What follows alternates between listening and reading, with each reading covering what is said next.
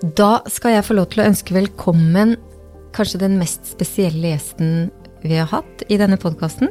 Jeg skal ønske velkommen til Jan Nagel Eriksen. Takk. Og du er altså eldst av fire søsken. Det er deg og tre søstre. Og du er da sønn av Tinius Nagel Eriksen.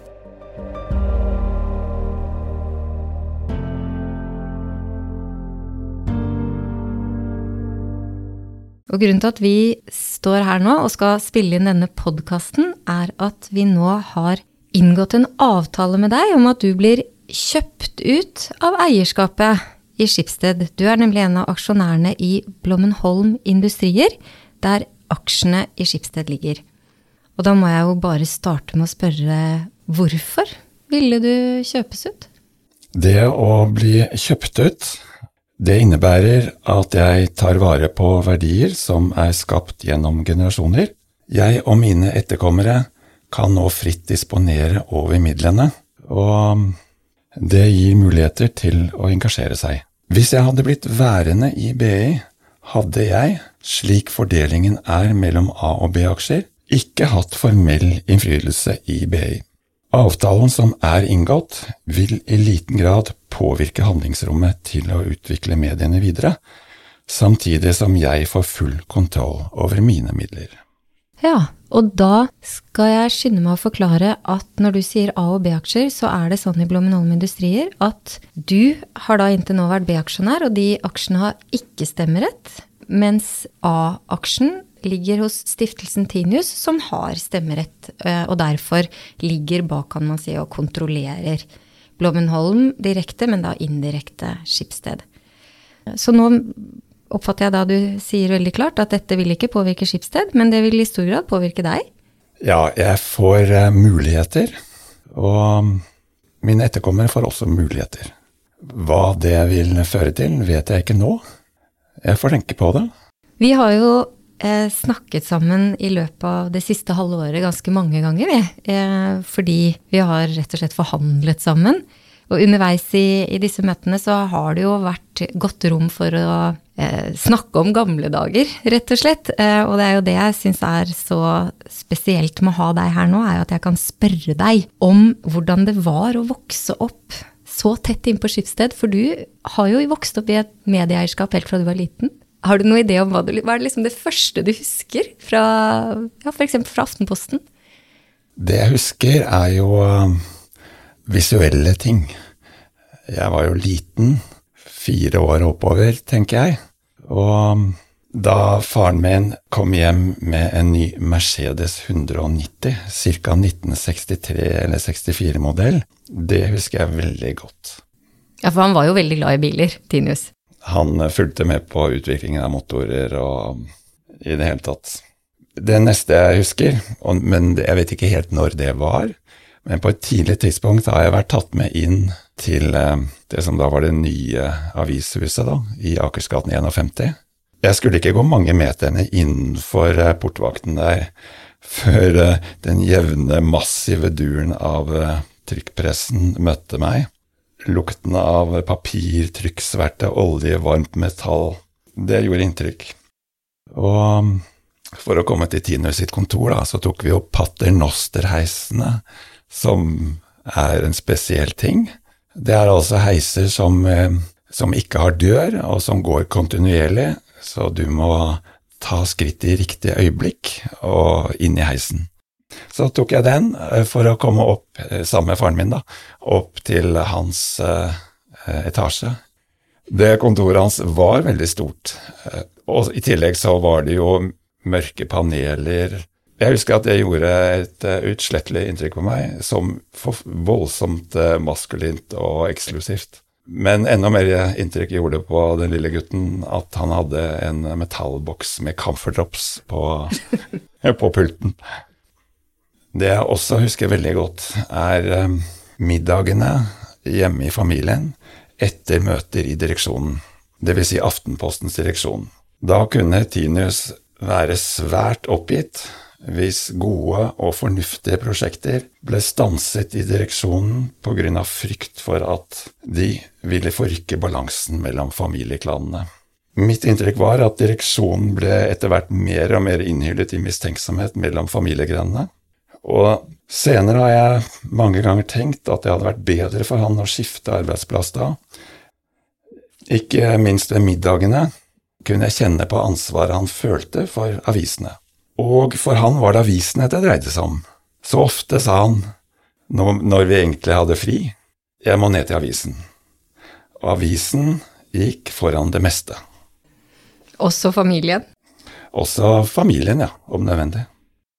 Denne direksjonen, det var vel å betrakte som styret i, i, Aftenposten. Det er, vel, er vel det ordet vi ville brukt på det i dag. Og der var det tre familier på det tidspunktet. Og etter hvert så gikk vel ikke de så godt i hop, som kanskje var årsaken til at Schibsted da blir børsnotert i 1992. Eh, og det er jo der også da Tinius Nagel Eriksen velger å beholde aksje sin del i et selskap, og som er, som er, da den historien som ender med stiftelsen Tinus etter hvert. Men jeg tenkte jeg skulle spole litt bakover nå. Fordi Skipsted og din familie, den går jo langt tilbake. Eh, vi er tilbake i 1839. Da starter altså Christian Skipsted sitt boktrykkeri, som, eh, som blir etter hvert til Aftenposten men jeg har lyst til å spørre deg om krigen, som du jo er opptatt av, og, og som er en komplisert del av Skipsteds historie. For under andre verdenskrig så fortsatte jo Aftenposten å komme ut. Eh, og det har, en, eh, det har jo vært en, eh, et faktum som, som, man kanskje ikke har snakket så mye om, og som man ikke har ønsket å snakke så mye om. Og som noen jo mener at familien da tjente mye penger på. At Aftenposten dura og gikk mens tyskerne hadde kontrollen. Hva tenker du om det? Da jeg som ungdom ble klar over denne delen av avisens historie, bestemte jeg meg jo for å, å lese det jeg kom over i den anledning. Ellers så spurte jeg Tinius om eh, hva han visste om dette, om hva som var hva familien hadde tenkt.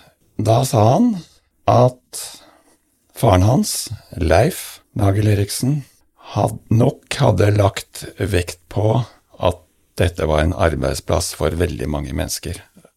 En forsørger for veldig mange familier.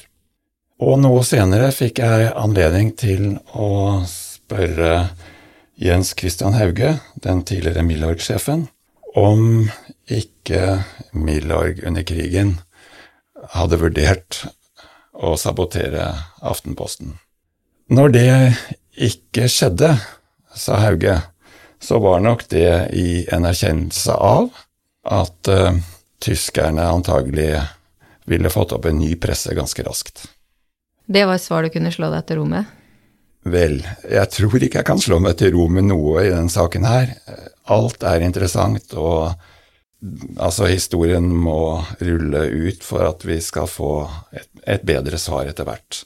Når det gjelder moralen her, så, så Vel, det er virkelig noe å tenke over. Du, altså, denne podkasten har jo da navnet eh, Tinus Talks, eh, og det er jo fordi eh, den gis ut av stiftelsen Tinus, som altså da bærer din fars navn. Er det rart, syns du, at hans navn lever videre? Tinius har egentlig alltid tilhørt offentligheten. Samtidig som han var administrerende direktør, så var han jo også leder av Avisenes arbeidsgiverforening. Og dette at han var en del av offentligheten, det ble jo ikke minst tydelig under begravelsen. I Tiner sitt hjem har personer fra ledelsen og, og andre kommet og gått, og enkelte har bodd hos han i perioder.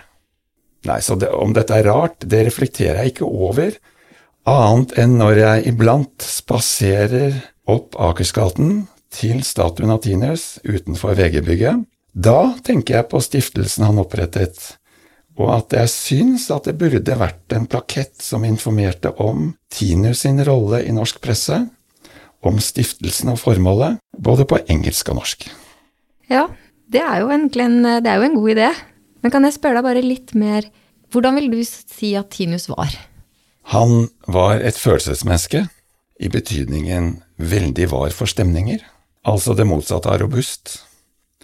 Men han hadde en evne til å samle seg, kall det vilje, når det krevdes.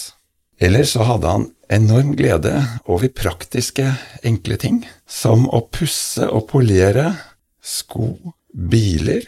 Han var jo ganske teknisk interessert også. Du nevnte det tidligere at han var opptatt av biler og motor, men han var jo også veldig interessert i kamera.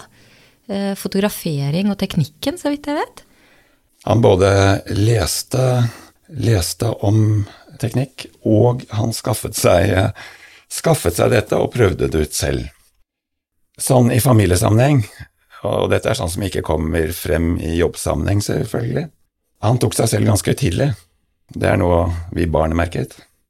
Ellers så Min store glede er at jeg husker Tinus fra hans beste år. Fra mine tidlige barneår husker jeg Tinus som lykkelig, glad og energisk, humoristisk og god å være sammen med for en liten pjokk. I senere år det kom noen slitsomme skilsmisseår da jeg var 13–14 år gammel. Etter dette ble han oppfarende og irritabel, og han kunne gå i taket over småting. Ellers var, når det gjelder hobbyer og sånt, Tinus var en person som leste enormt mye. Populært var krimbøker, men han var altetende.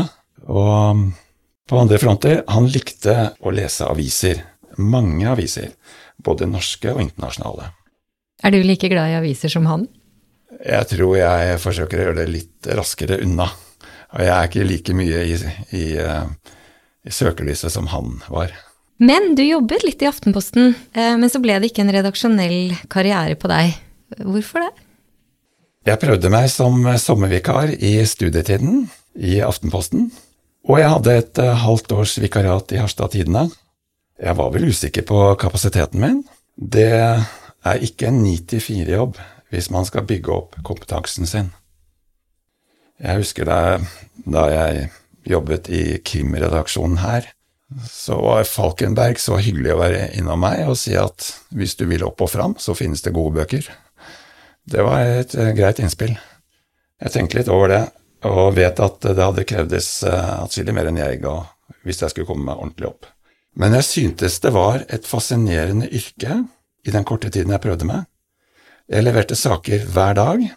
Det var veldig tilfredsstillende å gå hjem når det var gjort. I stedet begynte jeg på hovedfag i statsvitenskap og begynte å jobbe i offentlig sektor. Så det ble litt annerledes. Nå jobber du på Stortinget? Ja, jeg jobber i konstitusjonell avdeling. Gjør en uh, sekretærjobb der. Jeg har jo studert statsvitenskap, og Stortinget er da midt i blinken. Det skjer noe der nesten hver dag, og Stortinget er i nyhetene hver uke. Ja, ikke sant. Det er helt riktig. Stiftelsen Tinus. Jeg tror du var litt inne på det i og med at du ønsket en plakett over stiftelsens oppgave. Hvordan mener du at den best forvaltes? Her skal jeg ha litt respekt for dere som jobber med det.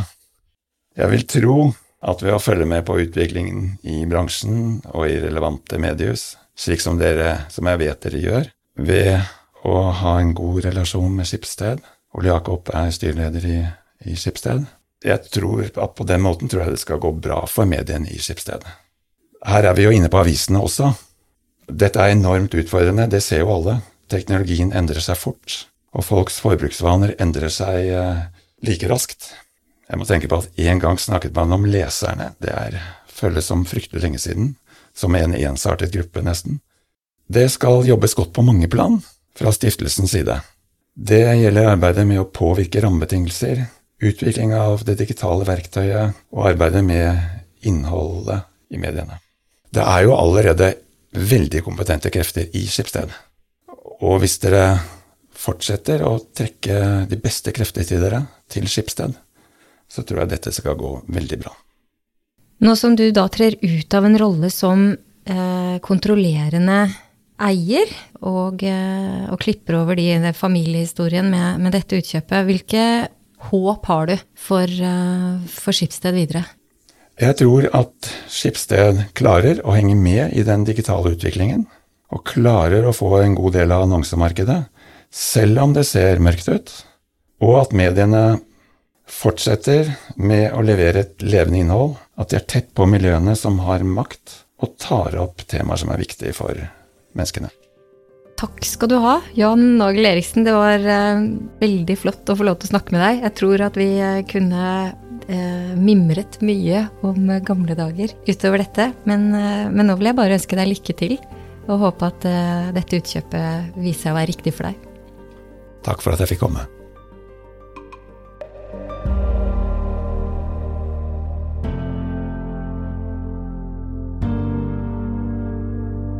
Denne podkasten er produsert av Hansine Korslien for Stiftelsen Tinius.